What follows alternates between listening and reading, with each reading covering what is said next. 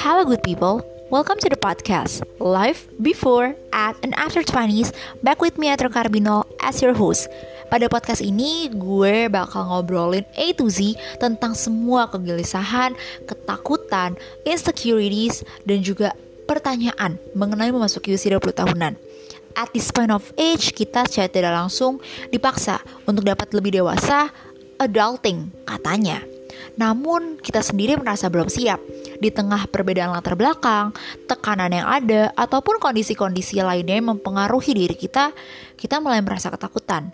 Dan rasanya berat sekali untuk bisa melakukan pendewasaan, terutama di masa pandemi kali ini.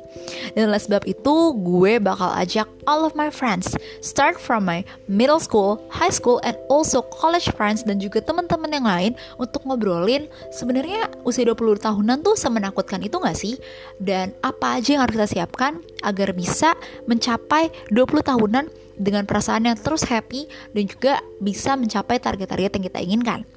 So, without any further ado, let's enjoy this podcast and I hope this podcast can bring you a good vibes and also a new way and a new spirit to go to your 20s. What are you waiting for? This is the podcast Life Before, At, and After 20s.